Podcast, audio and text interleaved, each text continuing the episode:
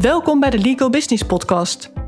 De podcast voor advocaten en legal professionals met passie voor het vak en de ambitie om zich verder te ontwikkelen op businessvlak. Ik ben Marloes Kuipers en in deze podcast deel ik waardevolle tips, inzichten en strategieën die jou gaan helpen om het maximale uit je carrière of kantoor te halen.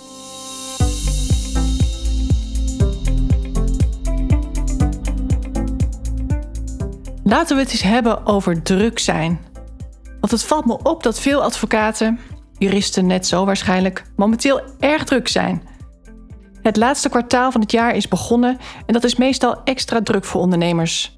En dat geldt ook voor de advocatuur, het notariaat en veel andere zakelijke dienstverleners. Denk maar aan accountantskantoren. Dus iedereen is druk. Druk zijn is ook niet per se verkeerd. Want je zal het maar eens te rustig hebben. Dat geeft ook weer stress, geven veel advocaten aan. Maar altijd het gevoel hebben dat je onvoldoende tijd hebt, is wel een probleem. Want heb je geen tijd of is het gewoon geen prioriteit? Heb je niet vooral moeite met prioriteiten stellen? Ik zie het ook bij de advocatenkantoren waar ik mee samenwerk. Iedereen is druk. Dat is soms mijn grootste uitdaging, want ik kan van alles, maar er is één ding wat ik niet kan en dat is meer tijd creëren. Er zitten maar 24 uren in een dag. Dan kan ik er echt geen 40 van maken. Een hele werkweek in één dag. Hoe lekker zou dat zijn? Toch denk ik dat dit voor velen het probleem niet oplost. Want tijd is vaak niet zozeer het probleem. Hoe je met die tijd omgaat wel. Heb je nu al niet inzichtelijk wat je allemaal moet doen en wanneer? Weet je nu al niet wat echt belangrijk is? Wat echt prioriteit heeft? Dan ga je dat ook niet krijgen als er 40 uren in een dag zitten. Geloof me. Want wat gaat er dan gebeuren? Waarschijnlijk ga je alleen maar langer over de dingen doen. Vooral als je perfectionistisch van aard bent. En dat zijn veel advocaten. Zo kunnen velen eindeloos aan een processtuk sleutelen en blijven tweaken en perfectioneren. En vaak zie je ook steeds iets waarvan je denkt: yes, dat kan er ook nog in. Of dat kan ik eigenlijk wel schrappen. Want er is altijd weer een nieuwe uitspraak. Of een nieuw inzicht. Een nieuwe invalshoek. Dat is ook mijn natuur hoor. Dus laat ik vooral ook de hand opsteken hier. Maar er zijn ook advocaten die echt niet kunnen prioriteren. En die komen ook met die draken van processtukken aanzetten. Alles moet erin. Niet zo gek dat dit jaar is besloten om een max van 15 of 25 pagina's op te leggen bij het indienen van processtukken. Slechts bij uitzondering mag je een omvangrijker stuk indienen. Ik weet dat daar veel kritiek op is vanuit de advocaten. En soms zijn omvangrijke processtukken ook echt noodzakelijk. Maar vaak ook niet. Anders was die regel ook niet opgesteld. Iets anders wat er gebeurt als je meer tijd hebt, is dat je waarschijnlijk nog meer dingen gaat oppakken die jij niet zelf zou moeten doen, maar iemand anders. Je gaat nog minder delegeren waarschijnlijk. Iets anders wat er mogelijk gebeurt is dat je ook minder efficiënt gaat overleggen. Want je hebt toch tijd genoeg. Je gaat waarschijnlijk ook minder selecteren aan de voorkant en zegt misschien wel tegen elke potentiële cliënt ja, in plaats van dat je kiest voor de zaken waar je echt blij van wordt en die ook 100% matchen met jouw expertise en kennisniveau. Kortom, jouw to-do-lijst gaat alleen maar langer worden in plaats van korter. Dus meer tijd is niet zozeer de oplossing. Maar wat dan wel? Prioriteiten leren stellen. Nou, dat komt natuurlijk niet als een verrassing, maar waarschijnlijk doe je het toch niet. Niet optimaal althans. Terwijl je altijd prioriteiten zou kunnen stellen.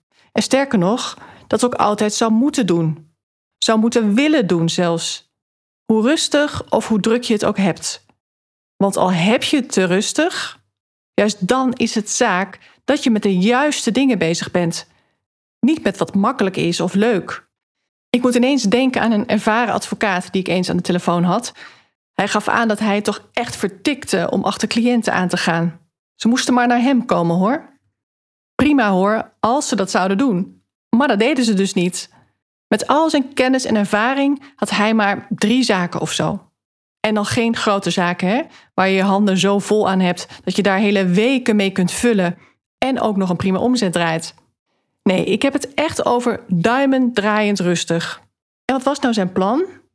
Een netwerkbijeenkomst gaan organiseren, en zijn kennis gaan delen door een boek te gaan schrijven. Hmm, ik zou toch eerst maar eens gaan zorgen voor voldoende cliënten en dan de snelle weg. Kijk, aan zijn ervaring en expertise lag het niet. Ik wil niet te specifiek worden, maar laten we zeggen dat hij werkzaam is binnen een heel gangbaar rechtsgebied, waar ondernemers heel vaak en organisaties eigenlijk altijd mee te maken hebben. Het lag dus aan zijn ondernemerskills. En dat gaf hij ook gewoon toe. Die heb ik niet, zei hij. Aan zelfkennis dus geen gebrek. Maar hij vond zichzelf te eigenwijs om daaraan te werken. Ik ben toch niet coachbaar, zei hij. Try me, zou ik willen zeggen, maar ja, iemand moet wel willen. Het zal je niet verbazen dat ik hem heb ontraden om events te gaan organiseren en om dat boek te gaan schrijven. Wat is jouw doel met dat boek? vroeg ik. Ja, dat was natuurlijk klanten krijgen. Hè? Kijk, dan ben je er al. Een boek schrijven is niet de snelle manier. Dat is waarschijnlijk een comfortabele manier, omdat hij dat leuk vindt om op die manier zijn kennis over te dragen. In plaats van misschien wel oncomfortabel de boer op te gaan. Dit is nou een typisch voorbeeld van iemand die geen prioriteiten kan stellen. En dat is de allergrootste valkuil voor groei en succes. Let's be honest. In het ondernemerschap zijn er altijd wel zaken waar je achteraf je tijd niet aan had willen besteden. Dat heb ik ook. Maar dat is normaal. You win some, you lose some. Als je nooit eens wat probeert, ben je simpelweg niet aan het ondernemen. Soms was iets een goed idee en soms had je iets achteraf beter niet kunnen doen. Maar met de kennis van toen leek het een goed idee. Maar dat zijn dan wel weer de waardevolle ondernemerslessen. Je bent er dan wel bewust aan begonnen met een reden, met een doel.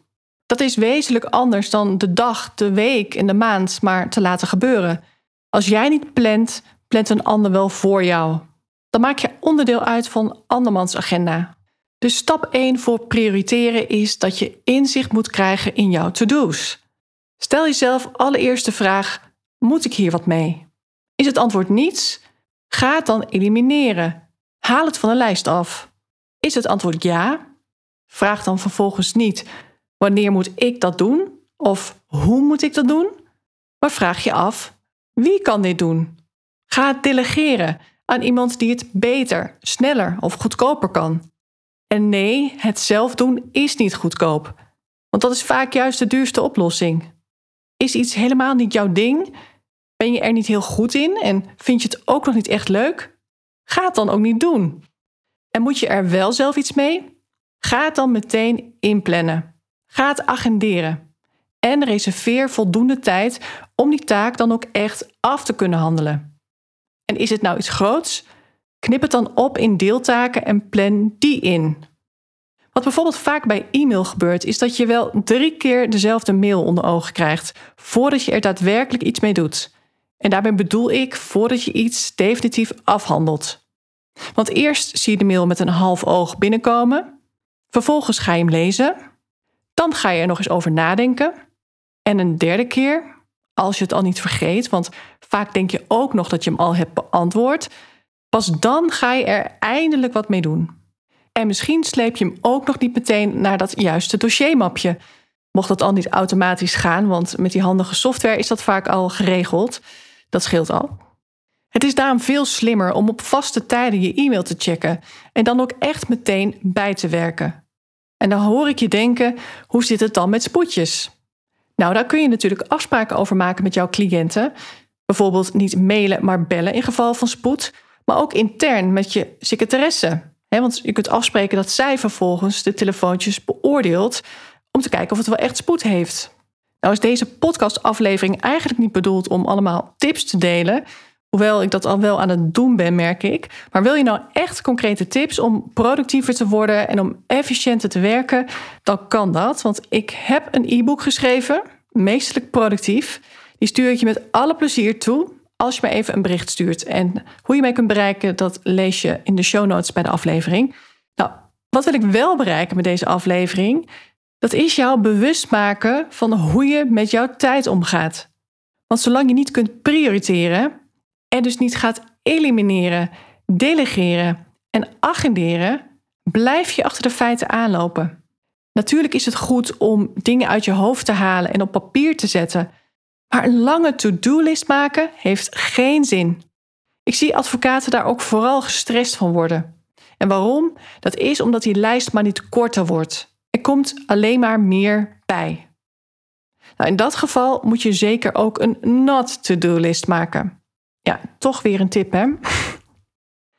Welke ideeën zijn wellicht wel interessant, maar niet voor nu?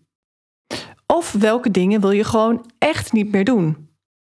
Bijvoorbeeld taken die niet jouw expertise betreffen, zoals administratie, maar ook praktische dingen, zoals standaard de telefoon opnemen zodra een cliënt belt.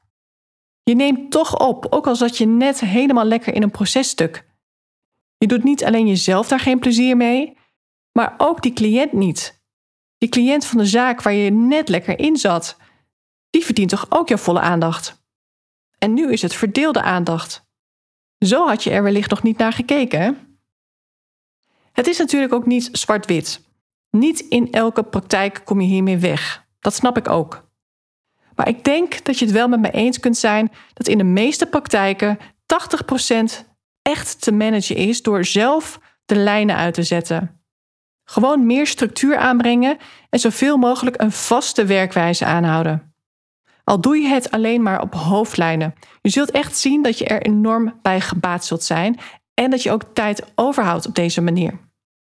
En als advocaat-ondernemer heb je naast jouw praktijk ook nog een hoop andere zaken te regelen, zoals die administratie, tenzij je het helemaal hebt uitbesteed, maar ook het overleg met de boekhouder, de contracten en licenties up-to-date houden, acquisitie, marketing, noem maar op. En wanneer ga je dat doen? Tussen de bedrijven door? We weten allemaal dat als je het niet inplant, er niks van terecht komt. Eigenlijk zou je een vaste dag of dagdeel in de week moeten reserveren om echt aan jouw kantoor te werken. En dat moet dan ook echt een non-negotiable zijn. En niet tijd die je heel makkelijk weer inruilt zodra er een afspraak ingepland kan worden. Er is een mooi Engels gezegde: You teach people how to treat you. Dus voed ook anderen op. Voed jouw medewerkers op, voed jouw cliënten op. Want hoe was bijvoorbeeld jouw vakantie? Heb je echt ongestoord kunnen genieten? Of heb je je laten storen? Helemaal niet? Heb je echt ongestoord kunnen genieten? Dan is dat het teken dat je dus wel degelijk kunt sturen qua agenda. Nou, probeer dat gewoon meer vast te houden, zou ik zeggen. Maar ben je nou wel vaak gestoord? Dan heb je wel een probleem, denk ik. Want als je terugkijkt, was er in de momenten dat je werd gestoord ook echt sprake van spoed. Want ik hoor van veel advocaten dat dat niet zo was, namelijk. Toch werden ze gebeld door kantoorgenoten of door cliënten. Waarschijnlijk heeft dat te maken met jouw leiderschap of gebrekkige communicatie van jouw kant. De drempel om jou te storen is blijkbaar zo laag dat niemand erbij stilstaat dat jij lekker ligt weg te dromen op jouw strandbedje en dat zij jou opzadelen met hun probleem. Dus heb jij jouw mensen wel zelfstandig genoeg gemaakt? Zijn ze wel zelfredzaam? Want echt elke professional is gebaat bij eigenaarschap, zoals dat heet. Het is echt niet alleen in jouw belang. Want mensen willen zich ergens verantwoordelijk voor voelen. En daar hoort ook bij dat ze ook verantwoordelijkheid willen nemen. Juist ook wanneer het even tegen zit. Maar dat eigenaarschap, dat moet je wel stimuleren. Je moet het mensen laten ervaren. Pas dan gaan ze het ook echt leuk vinden. Zij blij, jij blij. Want dan kun je wel relaxed op vakantie. Dan nog een tweetal laatste dingen.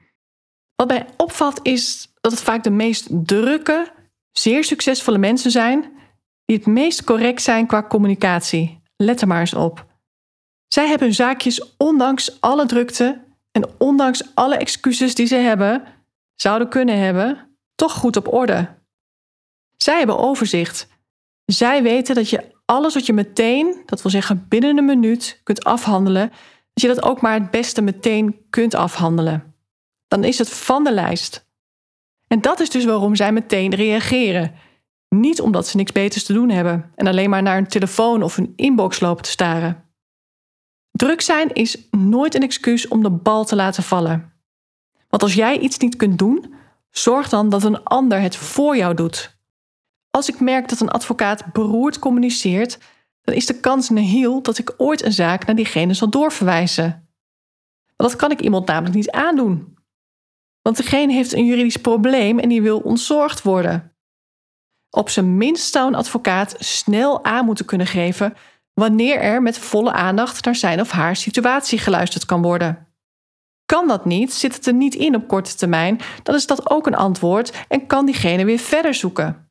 Maar communiceer het. Wees professioneel.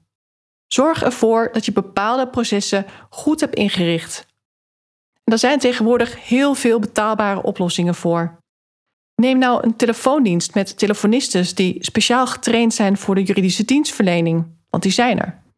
Of gebruik e-mailresponders met informatie over jouw aanwezigheid. Kortom, er is geen excuus meer voor het niet informeren of te woord staan van potentiële cliënten. Dat hoef je namelijk niet allemaal zelf te doen. Als je ervoor zorgt dat je het organisatorisch allemaal goed op orde hebt, dan houd je meer dan voldoende tijd over voor de echt belangrijke zaken. Dan heb je tijd om na te denken over de toekomst. Waar wil je nou heen met jouw kantoor? En dan kun je je volledig focussen op die interessante zaken en op cliënten waar je echt blij van wordt, in plaats van dat je elke zaak aanneemt die maar binnenkomt. En heb jij de ideale setting nou nog niet voor jezelf gecreëerd? Klinkt het nog als toekomstmuziek? Dan zou dat misschien wel jouw nummer 1 prioriteit moeten worden. Laat dat dan een mooi doel zijn voor 2022. Die ideale situatie voor jezelf gaan creëren. Als jij je meer focust op de juiste dingen, dan houd je vanzelf tijd over. Dat zorgt niet alleen voor meer rust in je hoofd, maar ook voor betere resultaten. Want dat is hoe het werkt. Het is inmiddels al november, dus je hebt nog maar kort de tijd om nog even alles uit de kast te trekken om van dit jaar een succes te maken. Of in ieder geval van dit laatste kwartaal. En hoe? Door naar mijn masterclass te komen. Want ik ga een masterclass meestelijk ondernemen geven. Nog dit jaar. Ik heb dit bedacht in het kader van mijn verjaardag. Want ik was vorige week jarig. Op 29 oktober om precies te zijn. Dan weet je het vast uh, voor volgend jaar. Nou, zoals je weet werk ik heel bewust met langere trajecten. Omdat een transformatie nou eenmaal tijd nodig heeft. Dat is gewoon een feit. Het implementeren van de juiste kennis en de juiste dingen doen op het juiste moment, dat is het geheim voor succes. Maar dat is ook meteen het lastige. En je daarbij helpen, dat is een van de dingen die ik doe in zo'n traject. Maar dat neemt niet weg dat je eerst moet weten wat je niet weet. Want anders kun je ook geen actie ondernemen. Tijdens de masterclass, die in een kleine setting zal plaatsvinden, zodat het ook interactief is, ga ik je laten zien welke stappen jij moet zetten om van jouw kantoor een succes te maken. Of om net dat level hoger te gaan met jouw kantoor. Hoe kun je jezelf nou scherper positioneren? Wie is nou echt jouw ideale cliënt? Hoe zorg je er nou voor dat die cliënten ook echt bij jou komen? Welke marketingstrategie is daarvoor nodig? En welke acquisitiestijl is daarvoor nodig? En hoe krijg je jouw kantoor nou organisatorisch on point? Om het extra waardevol te maken, is het niet zomaar een masterclass. Maar eigenlijk is het meer een mini-traject. Want je krijgt maar liefst drie bonussen. Allereerst is er een voorgesprek, zodat ik precies weet wat jouw situatie is en wat jij uit de masterclass wilt halen. De inhoud van de masterclass stem ik vervolgens af op de behoeften van de deelnemers. En dat is ook precies de reden waarom je niet zomaar een ticket kunt boeken. En als tweede echt waardevolle bonus krijg je een één op één coachcall met mij. Het waarde van 500 euro. En die vindt enkele weken na de masterclass plaats en dan kun je me al jouw vragen stellen. Want je gaat met zoveel waardevolle inzichten naar huis dat je geheid tegen dingen aan gaat lopen bij het in de praktijk brengen daarvan. En dan is er nog een derde bonus, maar die houd ik nog even geheim. Just for the fun of it. Net als de investering. Want in verband met mijn verjaardag krijg je nu tijdelijk maar liefst 50% korting. Nou, als dat al niet mooi genoeg klinkt, dan is dit misschien ook gewoon niet iets voor jou. En die korting geldt tot en met 14 november. Zoals ik al aangaf, zijn er echt een beperkt aantal plekken. Want deze masterclass geef ik echt in een kleine setting, dus vol is vol. Nou vraag je misschien af of ik deze masterclass in de toekomst nog een keer ga geven. Waarschijnlijk wel, maar nooit meer voor deze prijs. En zeker niet met al deze bonussen. Wil je nou meer gedetailleerde informatie ontvangen, zoals de investering, de datum en de locatie, stuur me dan even een bericht. En datzelfde geldt natuurlijk voor als je twijfelt of dit überhaupt iets voor je is. Maar ben je nou een advocaat of een jurist en wil je echt groeien in het ondernemerschap, dan heeft het sowieso zin om even contact met me op te nemen. Ik zou zeggen, pak je kans. Meld je in ieder geval aan, zodat jouw plek, nu nog met korting, alvast gereserveerd is. Als je iets uit deze aflevering hebt onthouden, dan is het hopelijk wel dat je prioriteiten moet stellen. Niet morgen, maar vandaag. Ik zeg tot gauw. Dankjewel voor het luisteren. Mocht je deze podcast waardevol vinden, abonneer je dan of volg mijn podcast zodat je geen aflevering hoeft te missen. En deel hem ook vooral in je netwerk. Ook zou je mij een groot plezier doen met een 5-sterren review die je kunt achterlaten op iTunes. Niet alleen wordt de podcast dan beter gevonden, maar je helpt ook weer andere advocaten en juristen in hun reis naar succes en geluk. Uiteraard vind ik het leuk om te horen wat je meeneemt uit deze aflevering.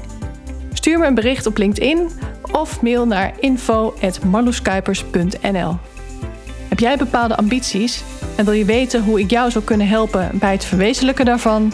Vraag dan een gratis meesterschapscall aan via mijn website. Ga naar www.marloeskuipers.nl. Alle informatie vind je ook in de show notes bij deze aflevering. Ik kijk er naar uit om van je te horen. Tot de volgende keer.